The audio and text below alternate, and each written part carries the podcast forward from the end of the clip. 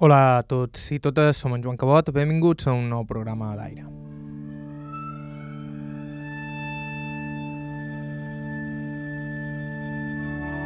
Avui m'escoltareu parlar poc, perquè poques vegades tenim un testimoni tan estratosfèric com el d'avui. Nascuda a Barcelona, Maria Lluïsa Armenguer s'ha guanyat sa menorquina d'adopció implicant-se de ple en la vida de Ciutadella, impulsant la protectora d'animals, per exemple, però ja des de ben jove la seva vida va ser com poques. Filla d'una família burgesa, va viure els dies de la Guerra Civil a Santpedor, on va conèixer Jordi Vila, el que seria el seu marit, i membre d'aquella davantera mítica del Barça de les cinc copes. A Sevilla tindria un accident que la va desfigurar i del que va sobreviure de miracle, una experiència transformadora que la marcaria a nivell vital. De joveneta va estiuetjar a Cadaqués i conèixer Dalí. Ja de gran va prendre part de la transició a la seva manera, des del mostrador de la llibreria Ona o des de la revista Serrador. La vida de Maria Lluïsa són quasi sis en una, però avui les intentarem resumir totes aquí. Estau escoltant d'aire a IB3 Ràdio, us parla Joan Cabot. Començam.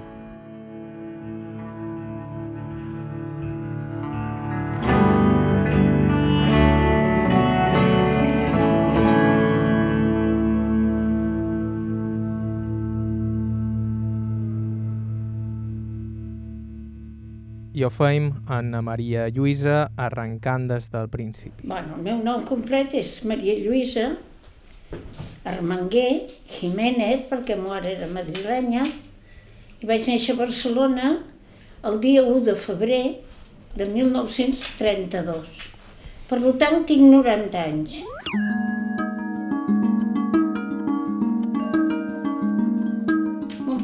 era fabricant de teixits, tenia una fàbrica molt important de teixits.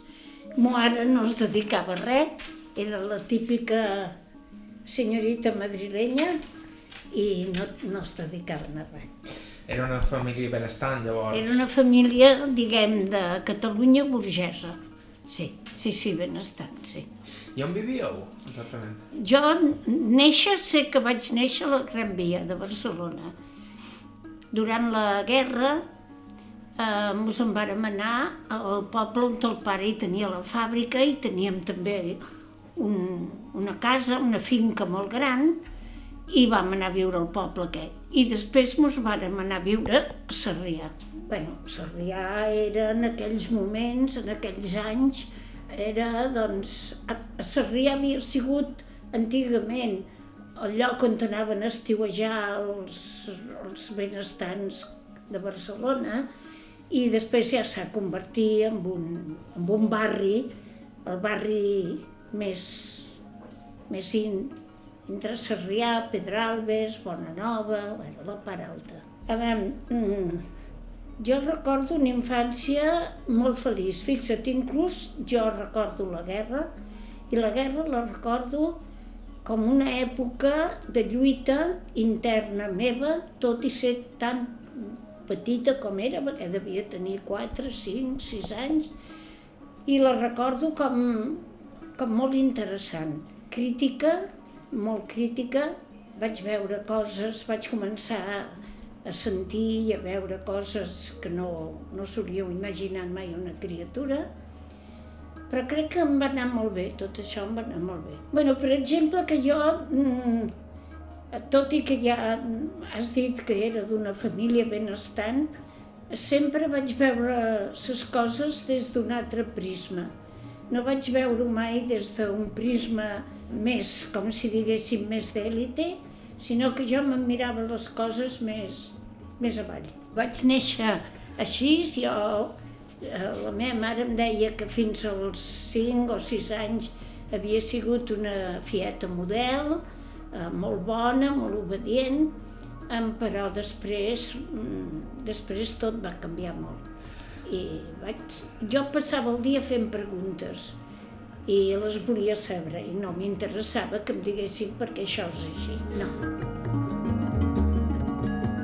Ma mare era mm, molt bona dona, però jo, el record que jo tinc, eh, tal vegada els meus germans en tenen un altre, El record que jo tinc de mare era d'una dona recta, molt recta, freda, eh, quan, quan et manava una cosa te la manava amb molta autoritat i no hi havia manera de contradir-la. Mira, tinc un record de Moara que és que quan m'agafava la mà tenia unes mans grans, molt maques, eh, però estaven fredes. En canvi, quan jo agafava la mà de mon pare, mon pare tenia unes mans també grans, però eren com a més redones, com a més, més càlides, eren molt càlides. Recordo el tacte dels dits de mon pare sobre els meus com una carícia i els de Moara els recordo com a haver d'obeir. Ningú es cregui que Moara no era bona persona, era molt bona dona, però tenia un caràcter molt, no sé, com molt estructurat, eh? Era, bé, era molt diferent de mon pare, molt diferent. Mon pare era, pare era genial. Mon pare era un savi, era un home lliure. Jo crec que mon pare, igual que jo, no s'haurien d'haver casat perquè per sobre de tot li agradava fer el que li des la gana, no fer, sinó fer allò que tenia ganes de fer i que quan estés fent una cosa fos el que li agradés. Mon pare era molt simpàtic, molt xerraire, molt intel·ligent i molt rebel també. Mon pare era catalanista 100%, era, era també molt revolucionari, molt, molt. Mon pare no va ratllar mai en castellà. Quan li deien que ratllés en castellà, preguntava quants anys feia que vivien a Catalunya i si li deien que en feia més de dos, ja no deien ni una paraula més. Mon pare una vegada va anar a Madrid, el havien fet um, delegat o jo què sé què, de cosa de, de, de fabricants de teixit, de cotó, i quan va arribar a Madrid va demanar un intèrpret bueno, està, no li van donar, és una anècdota, però, però era així. Era, era molt, molt, tenia molt gènit, però era molt maco.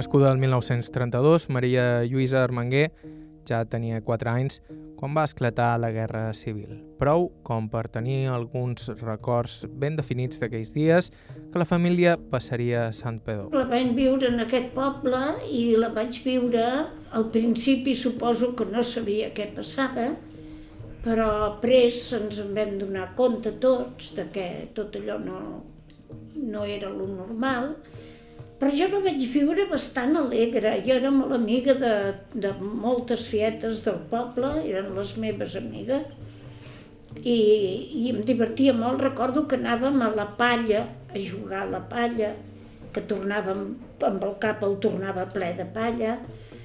El que sí tinc records molt, molt tristos, com d'una vegada que no me'n recordo entera exactament, però sé que vaig sortir de casa i tampoc me'n recordo si era al començament o al final, eh? Però hi havia un soldat mort a terra i això em va impressionar molt. A casa meva, com que era la casa més gran del poble, hi havia les oficines. Primer hi havia les oficines republicanes o dels rojos, com dèiem, i després hi va haver-hi les, les oficines dels nacionals era un canvi radical d'uns amb els altres. Quan vam tenir les oficines republicanes eren els nostres amics. A jo me van ensenyar a llegir, hi havia un dels que vivien en la casa allà a nostra, hi havia unes oficines molt grans, un era un mestre d'escola i de Girona i aquest em va ajudar a ensenyar a escriure, ai, a llegir i eren amics nostres, feien paelles, eh, estàvem molt, molt ben relacionats amb ells. Ens portaven en el ranxo, quan ens faltava una mica de menjar, ens portaven allà. I en canvi, quan van arribar els altres, tot era molt autoritari, molt fred i molt... Vostè cállese. Era molt diferent, molt. Per mi la guerra tinc molts records i són records tristos, sí, el pare, el meu pare, per exemple, quan van entrar els republicans el van agafar perquè era un burgès i tenia una fàbrica. I, bueno, semblava que el volien matar. Era un home que era un burgès, el que deien a Catalunya, un burgès que tenia una fàbrica i tenia molts obrers. Llavors, en contra aquest s'hi havia d'anar. Justament els que el van salvar de que no li fessin res van ser els del poble i els seus obrers, que eren els seus amics. Meu pare era caçador, anava a caçar amb ells, anaven d'excursió. Meu pare era un home molt planer, molt planer, molt planer, que es feia amb tothom. Mai li van dir senyor Lluís, sinó que li deien Lluís, o sigui que, no, pare... I els mateixos obrers de la fàbrica van ser els que van dir no, perquè si deien, per exemple, és que és un burgès i l'hem de matar, i deien, no, però és un bon home i és amic nostre. Ja està, vull dir, la cosa quedava així. Tant és així que el, quan es va acabar la guerra, els obrers de la fàbrica al meu pare li van dir, s'ha guanyat tant, això és el que et pertoca a tu. Vull dir, ells ja s'havien cobrat el seu. Recordo que eh, vam anar a Barcelona amb el cotxe, un cotxe d'ells, de, de, i un dels que anaven a l'escotxo, al costat del pare, davant, davant hi anaven tres, el xòfer, el meu pare i aquest altre que, no, que, que es deia Fernando. Això se'l recordo molt bé. I aquest portava una pistola i quan arribàvem a les, els guàrdies que hi havia, que, que, que el controlaven, aquest home treia la pistola com a fent veure que, que portava apuntat amb un pare. I quan s'acabava això, davallava la pistola i es posaven a ratllar. Te'n recordes aquell ca que vaig tenir que feia tan bo per les perdius i tot això? I va, no, no tenia res a veure. Mira, potser et diré que el que recordo amb més horror, però verdader horror, va ser quan van entrar els moros. Van ser els primers que van entrar en el poble. Eh, el pare estava amagat, es van amagar, típic, típic el farmacèutic, el metge, el meu pare, eh, potser, no sé, l'alcalde o jo què sé. Bueno, la gent que era una mica més així van ser els que es van apagar, es van amagar, van anar a la muntanya a amagar-se. Llavors van venir els moros.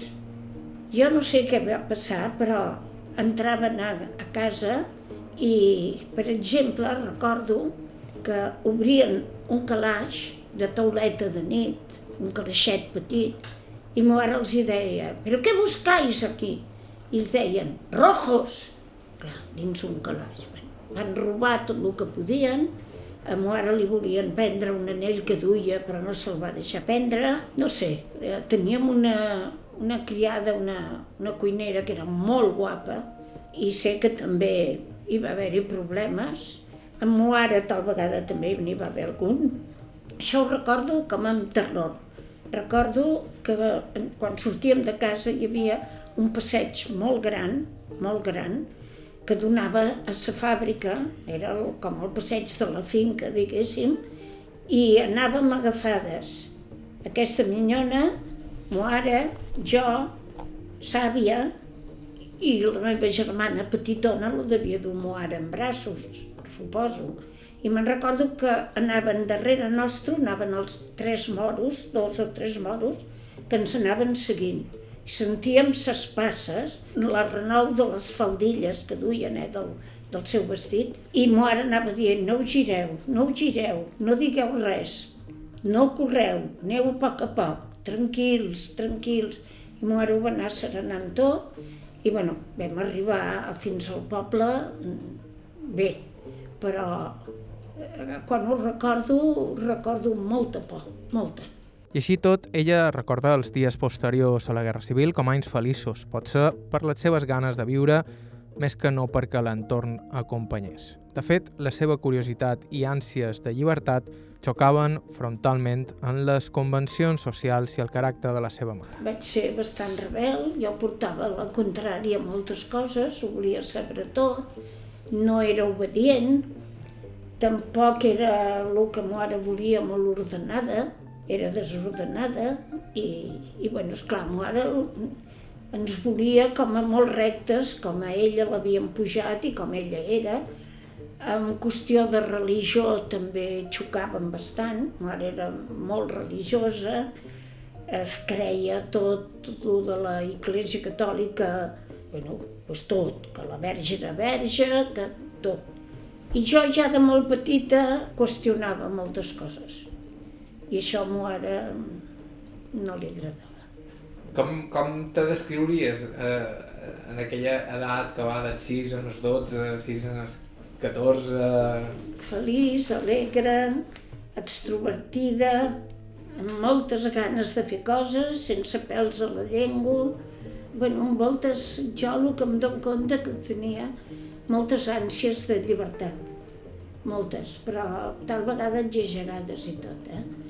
I, bueno, suposo que, bueno, sí, segur, en aquella època vaig desobeir moltes vegades. Recordo una vegada, això és un, ara m'ha vingut de cap, que feien el que el viento se llevó i no ens deixaven entrar perquè no teníem, no sé si devien ser 18 o 20 anys. I em vaig disfressar, em vaig disfressar amb un turbant de la meva mare, unes sabates de la meva mare, em vaig pintar i mos van deixar entrar, sí, amb una amiga. Vam anar disfressades.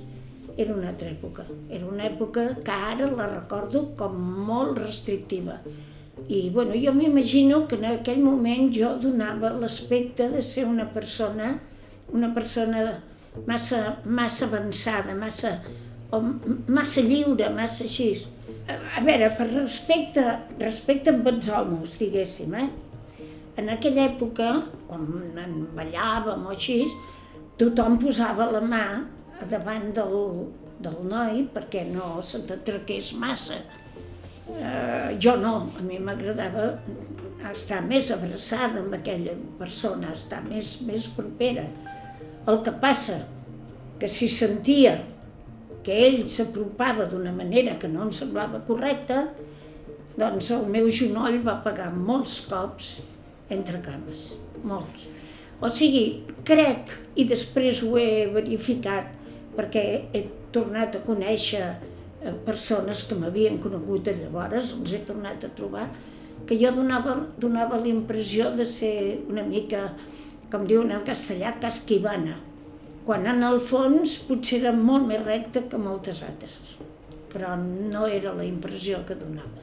Després, clar, després em vaig casar jo diria que molt jove. Quants anys tenies? No, per aquella època era el normal, 22 anys. Però ara em dono compte que, que era molt jove. Em vaig casar molt enamorada, molt, molt, allò que diuen un amor d'aquells que no, que no t'aguantes. És un, el meu marit m'agradava des de que jo era molt petita, m'agradava i m'imaginava estar enamorada. El que passa que després m'he dat compte que jo era molt enamoradissa.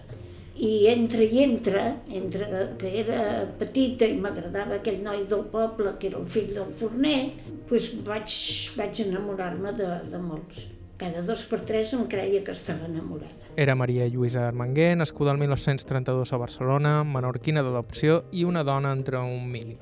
Fem una breu pausa en uns segons d'Ali, el Futbol Club Barcelona i un terrible accident de cotxe.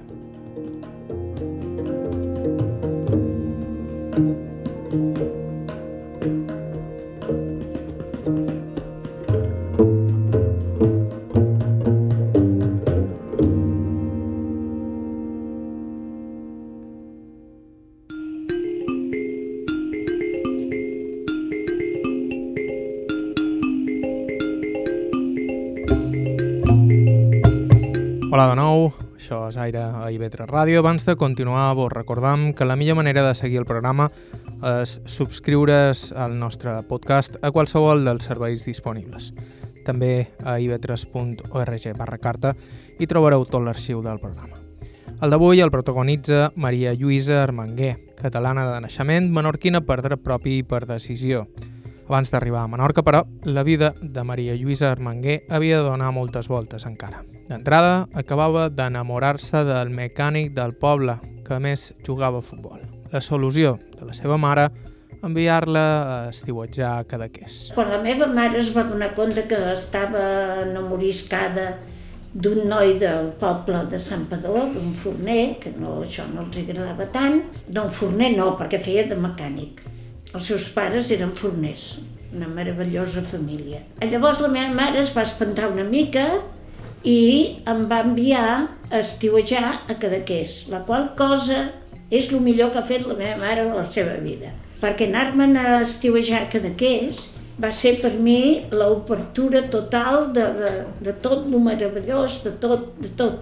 A veure, era, com jo t'explico, l'època del bolero. A Cadaqués jo hi tenia eh, la meva, uns oncles, uns concos que vivien, que estiuejaven a Cadaqués, que eren Eduardo Marquina, el poeta, la seva dona Pitxot, una família Pitxot molt especial, tots eren músics, era una vida tan diferent de la vida burgeseta de, de, de Barcelona, era com, si, com el que expliquen quan estàs a París, que, que van anar, doncs això.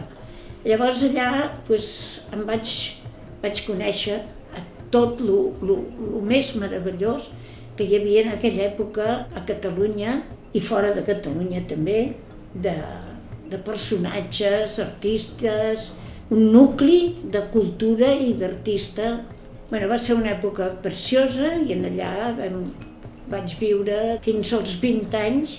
No vaig deixar-hi d'anar cada estiu, eren tres mesos, i per mi la meva vida en allà també es va formar moltíssim.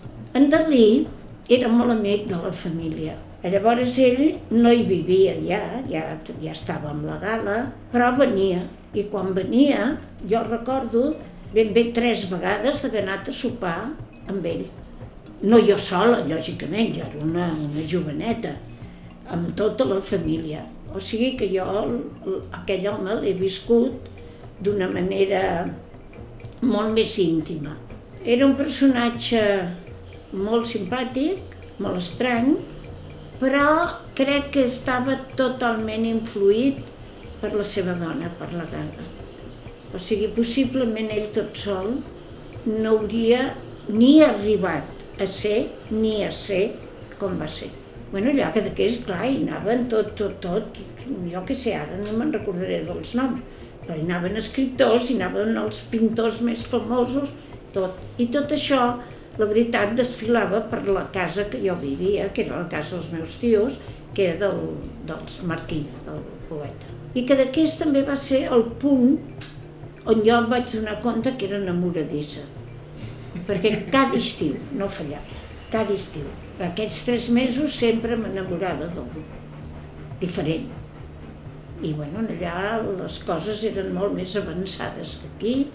Allà en l'any Bueno, quan jo tenia 19 anys ja hi havia biquinis, eren biquinis no tan descarats, entre cometes, com ara, però sí, sí, nosaltres anàvem molt avançades, moltíssim. I malgrat les reticències dels seus pares, na Maria Lluïsa es casaria amb aquell lot de qui s'havia enamorat, Jordi Vila, davanter del Barça de les cinc copes, injustament expulsat de la cançó de Serrat per allò de les rimes. El meu home va començar el futbol en aquest poble que et dic que estava, que va ser quan jo el vaig començar a mirar, era molt guapo, molt guapo, i, i bueno, i va començar de futbolista en el poble, d'aquest poble Sant Padó, que és el poble que vivia en Guardiola també, se'n va anar jugant al Manresa, del Manresa va anar al Badalona, del Badalona el va fitxar al Barça, quan jo em vaig casar, jugaven al Barça, en el Barcelona. Era el delanter centre, va ser el que va marcar més gols en la temporada de les cinc copes, o sigui, era molt bon delanter centre. La delantera era Bassora, César, Vila, Moreno i Manchón.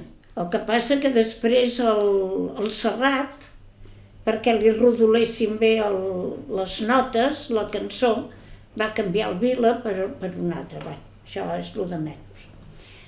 Eh, era molt bon jugador, era super guapo, llavors jo em sentia molt contenta de ser la, El que passa que en aquella època els meus pares no els hi feia cap ganes de que jo sortís amb ell. Segurament aspiraven a un altre estil de, de persona. En aquella època els futbolistes no eren rics, en aquella època els futbolistes no havien estudiat, en aquella època els futbolistes, bueno, pues eren només això, futbolistes. I tot i que el meu pare era molt aficionat en el Barça, bueno, pues jo sé que no, no els agradava. Jo sortia amb ell, sortia d'amagat, i al final vaig decidir que si no em deixaven casar, doncs me n'anava de casa. Aquesta era la meva, la meva idea. Però bueno, al final van dir que sí i em vaig casar. Em vaig casar molt enamorada. Ratllo de jo, no ratllo de, de, dels dos, perquè el que el meu marit després va anar sentint no ho sé massa, sé el que jo vaig sentir. Jo vaig sentir que em faltava llibertat. Vam viure primer a València. A València vam viure molt humilment, molt humilment, molt.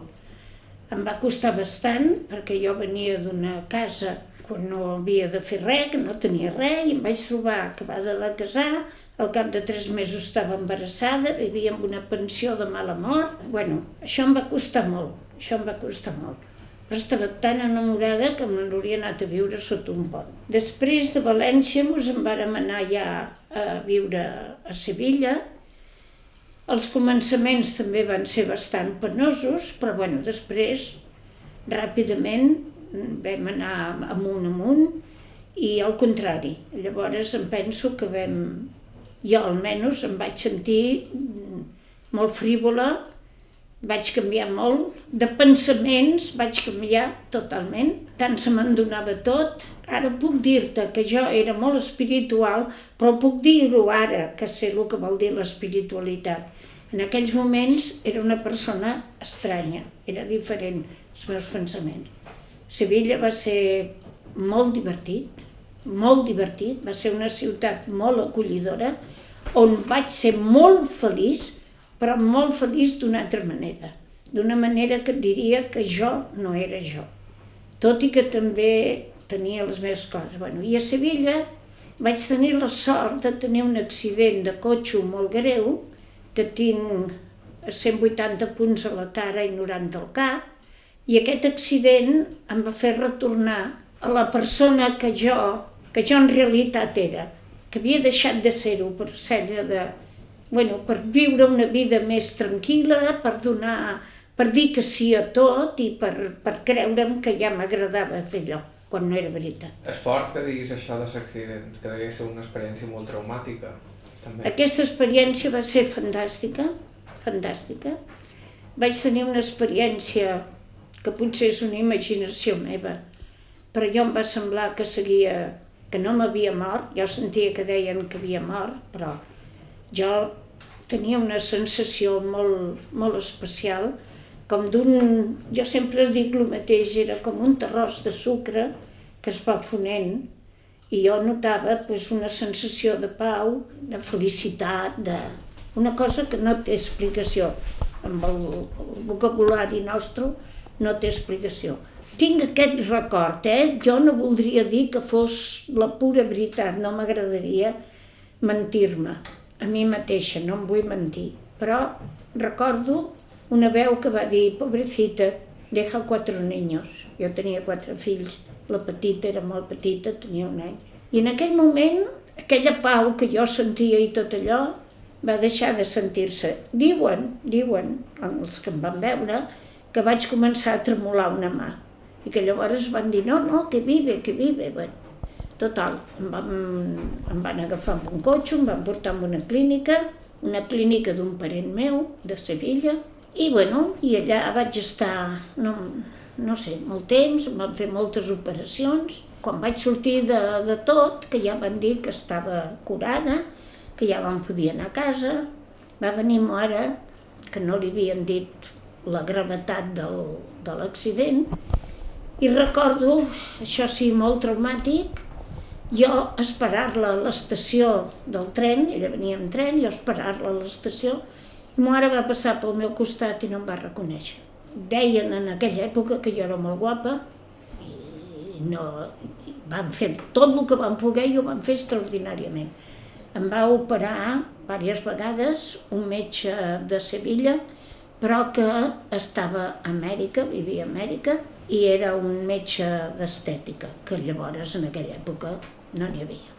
Aquest senyor em va donar la casualitat que estava a Sevilla i el parent aquest meu de la, de la clínica era amic seu, li va demanar per favor i es va quedar més temps i em va operar. Bueno, llavors jo ja vaig començar a notar que allò no era el meu, que allò allà no podia continuar, jo tenia moltes, ja unes inquietuds molt fortes, molt fortes, molt fortes, tan fortes que jo volia veure de quina manera podia trobar el meu lloc. Imagina't el que vaig fer. Se'm va ocórrer ficar-me a l'opus. No ficar-m'hi del tot, eh? però intentar-ho. En, aquell, en allà a Sevilla jo no coneixia res més. Jo havia perdut contacte amb Catalunya, havia perdut el contacte amb la gent més progressista i allà estava molt de moda el de ser de l'opus, dos de les meves amigues ho eren, estaven molt ficades i bueno, allò semblava com em van regalar Camino, però bueno, vaig anar amb, uns, amb un retiro que feien i bueno, ja vaig veure que era tot el contrari de lo que jo necessitava. Llavors vaig tenir la sort, molta sort, de conèixer un senyor molt gran que havia sigut militar i aquest senyor havia deixat de ser militar i s'havia anat al Tíbet i era professor de ioga. En aquella època ningú sabia el que era el ioga, absolutament ningú. I aquell senyor, doncs, vaig estar diverses vegades, ell venia a casa meua, jo també anava a un local on ell impartia petites conferències i allà se'm va començar a despertar una altra vegada tota la, la meva inquietud de, de, sobretot de llibertat, de llibertat, de sortir volant, sortir volant.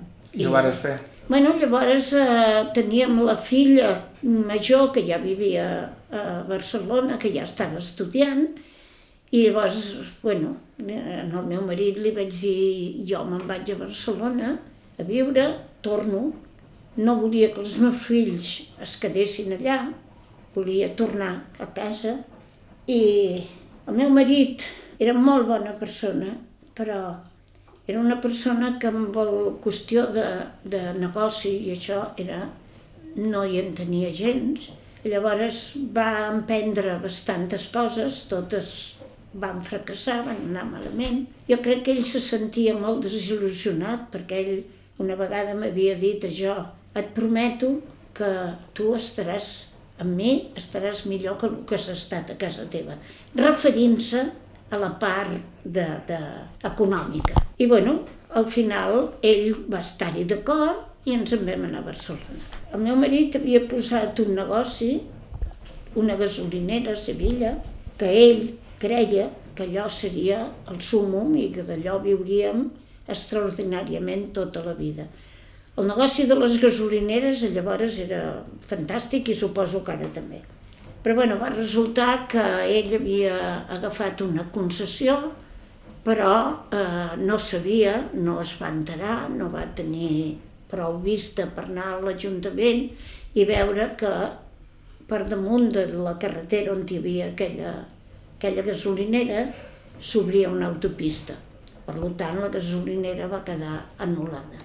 Bueno, això va ser un fracàs tan gran que el va desmoralitzar moltíssim i, bueno, I ell era un home que no explicava les coses. Ell no explicava i jo no preguntava. bueno, res, vam arribar a Barcelona i vaig tenir molta sort, molta, que llegint el diari La Vanguardia buscant empleus d'aquests, la veritat és que el cercava és meu amo, perquè era el que jo veia que estava patint, perquè és clar, en aquella època un home es considerava sempre el cap de casa. Llavors ell es va donar compte de que tot allò havia fracassat, la part de diners havia fracassat, però no ho explicava, no, no, no, no, jo suposo que li sabia molt greu.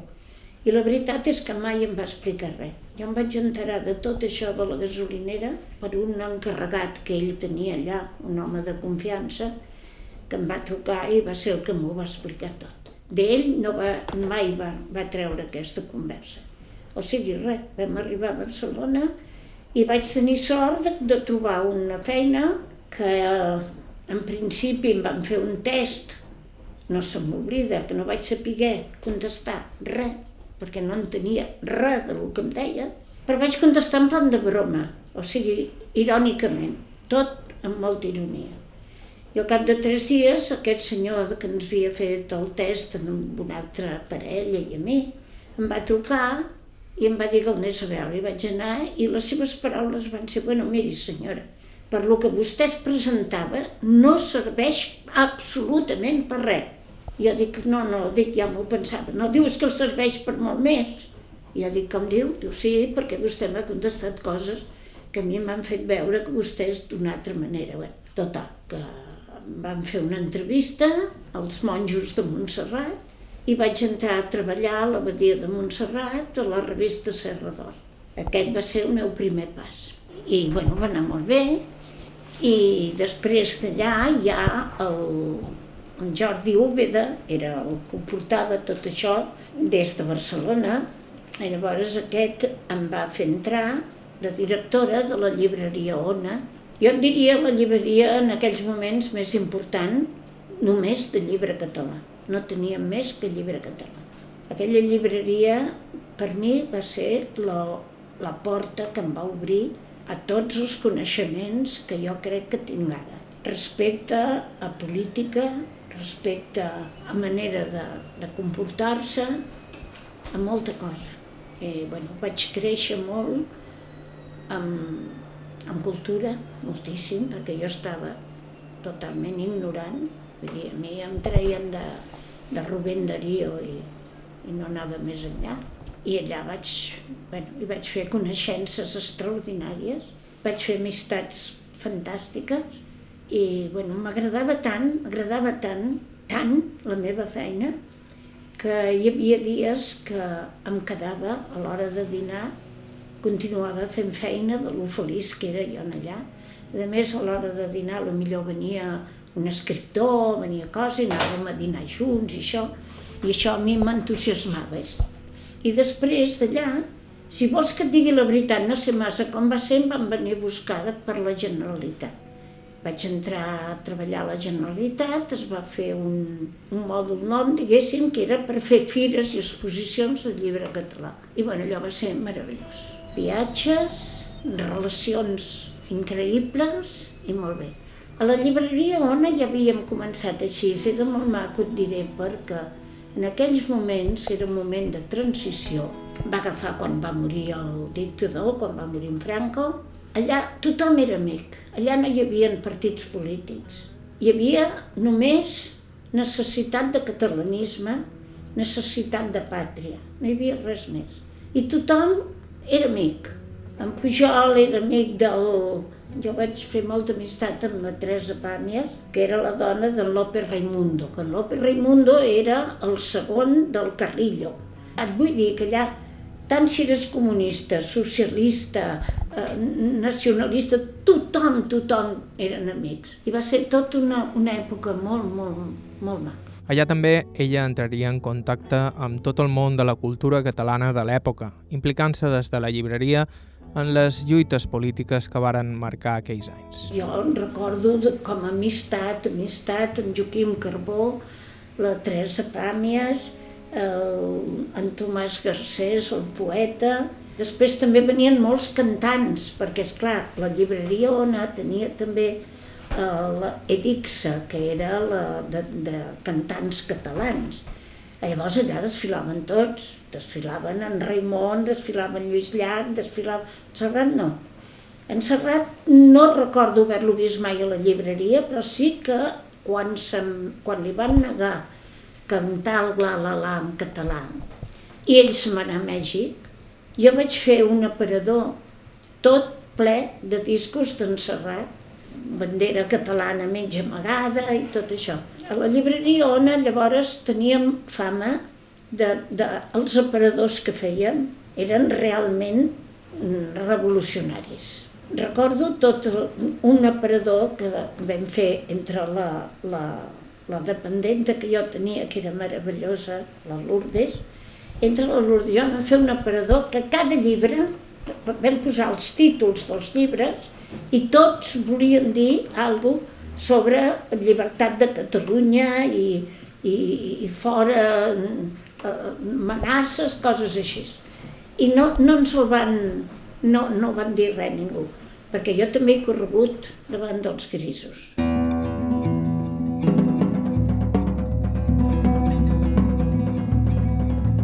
Aquí, evidentment, queda per respondre a la gran pregunta. Com va aterrar Maria Lluïsa Armenguer, aquella dona inquieta i ficada amb mil embòlics, a les pacífiques i tranquil·les costes de Menorca? Vaig aterrar, doncs, que, bueno, jo de la Generalitat, la veritat, em vaig cansar, per motiu de que vaig veure que no tot era tan, tan blanc com jo volia veure. Bueno, vaig veure coses que no em van agradar. A part d'això, familiarment, el meu matrimoni jo estava una mica amb aquest afany de llibertat, em sentia altra vegada lligada i bueno, tenia ganes de... tenia ganes, mira, de trencar el matrimoni, no, de separar-me, no, perquè no era l'època. Si hagués estat ara, possiblement, hauríem parlat, el meu marit i jo hauríem ratllat i hauríem arribat a un acord. Però eren altres moments, jo estava educada d'una altra manera, ell també, hi havia pressions familiars, tenia quatre fills, tot i que els dos majors ja s'havien anat. Bueno, jo va ser uns moments que em vaig sentir molt, molt oprimida i llavors vaig proposar-li al meu marit, jo vaig obrir una llibreria aquí a Ciutadella amb molta il·lusió, que després la vaig traspassant a la meva filla, però li vaig proposar jo venir a viure aquí, que ell quedés a Barcelona i que vingués els caps de setmana i tot això. Perquè ten teníeu relació amb Ciutadella, veníeu... Teníem una filla que ja hi vivia. La meva germana va ser la que va obrir-nos més o menys el camí. Que la meva germana tenia un marit que feia molts anys que venien a Ciutadella. Llavors la relació amb Menorca no s'havia trencat mai. Vaig venir un estiu i em vaig enamorar, com, com, com quan era jovenet i m'enamorava dels, dels nois, doncs em vaig enamorar de Menorca d'una manera exagerada, exagerada. Què hi vas trobar aquí? Tot, absolutament tot. La llibertat que necessitava, perquè al ser un lloc tan petit em podia traslladar d'un lloc a l'altre amb molta... d'això sense cridar l'atenció ni sense res, la pau, una pau tremenda i sobretot les pedres. Les pedres, les roques, tocar una, una pedra de Menorca tocar una, cosa, una roca de Menorca és molt impressionant. Vaig trobar que Menorca era el meu lloc. Bueno, aquí vam obrir, vaig obrir una llibreria jo molt guapa, que ja era una llibreria que ja s'havia obert i, i es tancava, que es deia Lletra Menuda, però bueno, després li vaig deixar a la meva filla i al meu gendre, però no, no, no era el moment d'una llibreria tan, tan d'èlite com, com aquell. No era una llibreria de revistes ni de, ni de bolígrafos, perquè aquí en deien llibreries d'un estanc o d'un d'això. No, era molt diferent. Estàvem davant del seminari, que per cert, hi ha algun ex-seminarista que encara quan em veu em diu tu ets el culpable de que jo no acabés sent capellà perquè venien a la llibreria i jo els hi deixava segons quins llibres que ells no havien llegit mai, i bueno, hi va haver-hi alguns que, que en broma em diuen això. Bueno, la llibreria aquesta li vaig regalar a la meva filla, però no, no, no, no va continuar. I llavors, quan vam venir aquí, el meu marit a Barcelona tenia un negoci de portes plegables. Jo no hi entenia res, si vols que et digui la veritat, del, de tot això no hi entenia res. I llavors ell va trobar que aquí podíem posar una cosa semblant i que podríem viure d'això. Vam obrir una botiga molt maca, veníem coses de quarto de bany així. A mi no m'agradava. A mi m'agrada molt estar de cara al públic, però no amb aquest aspecte, no m'agradava gaire. I llavors jo em vaig posar pel meu compte a cuidar senyores majors. I bueno, anava a cases, a, des, a, quan s'aixecaven, a rentar-los, això. I després ja em vaig posar més sèria a quedar-me a dormir tot i em va agradar molt. Molt, molt. Vaig trobar que el fet de, de donar-te amb un altre, d'això mateix, de, de rentar culs, de ballets i això, vaig, em vaig sentir molt, molt a gust, molt bé. Vaig estimar molt en aquestes persones, moltíssim, i queda com una mica ridícul el que diré, no sé, però vaig sentir com una, una cridada d'amor molt forta. No, no t'ho puc explicar, o sigui, és com una mena de... que ara, en aquest moment que te n'estic parlant, ho estic sentint, és com, com una emoció. Aquest instint protector també el vas volcar en els animals? Totalment, totalment. A veure, uh, la primera visió que vaig tenir, tot, de tota la vida m'han agradat tots els animals, de tota la vida. El pare era caçador, però els cans que el pare tenia eren els, els amos de Can Nostra. Dormien abrigats, o sigui, no era el típic caçador que veig que, que té... No, no. I llavors el meu pare, el meu pare era molt sensible, moltíssim, i ens va educar amb aquesta sensibilitat envers els animals. Llavors jo que això em continuava, jo sempre havia tingut cans, encara a Sevilla en vaig tenir, a València no, perquè estàvem en pensions i això no era, però bueno, sempre. I la primera visió que vaig tenir aquí va ser que el caner que hi havia llavors, a cops de bastó, estava matant un ca a la contramurada. No sabem què havia fet aquest ca, no en tinc ni idea, però bueno, jo em vaig horroritzar i em vaig horroritzar més que res de veure que ningú deia res que la gent passava i deien ai, mesquinet, ai, i un altre, deu, fer, deu haver fet sang, oh. tothom se n'anava però ningú comentava res.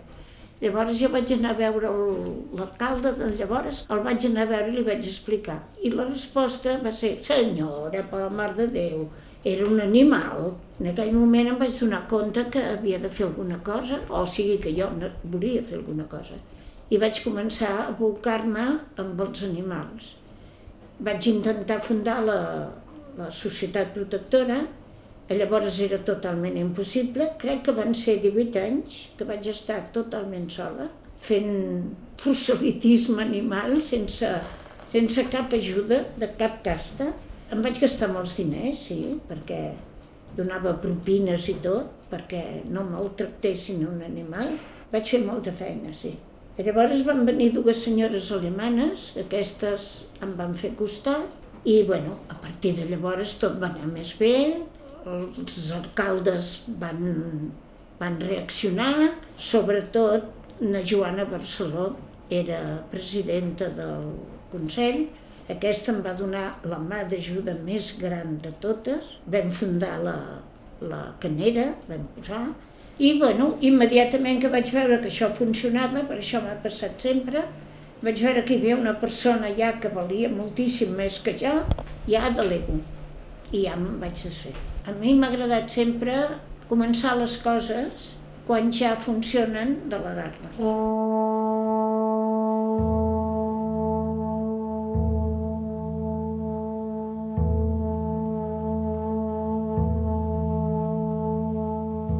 I aquí continua arrelada, tan feliç i vitalista com sempre. De fet, diu, ella és la primera sorpresa quan pensa que ja té 90 anys. Jo estic molt contenta.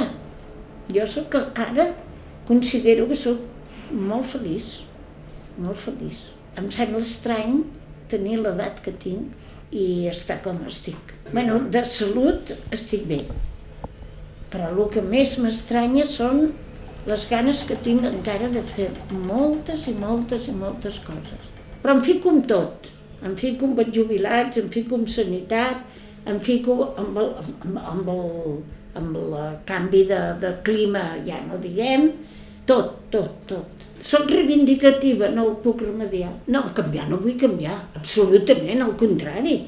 Al contrari, jo ara em sento molt més lliure de fer tot el que em doni la gana, però molt més i amb moltes ganes de fer moltes coses. El que passa que, és clar el cos no m'acompanya la ment. Per exemple, hi ha vegades pues, que l'altre dia vaig veure unes fietes aquí davant de Montitoro que estaven saltant a la corda. Tu saps les ganes que a mi em van entrar de dir, espereu que jo entro també, i vaig entrar a saltar. No em dono compte que el meu cos això ja no ho pot fer. Però, però, però ganes de tot, de tot, de tot, de tot. O sigui, jo crec que tinc un, un ànima, si és que en tenim, que té 20 anys. I que duri.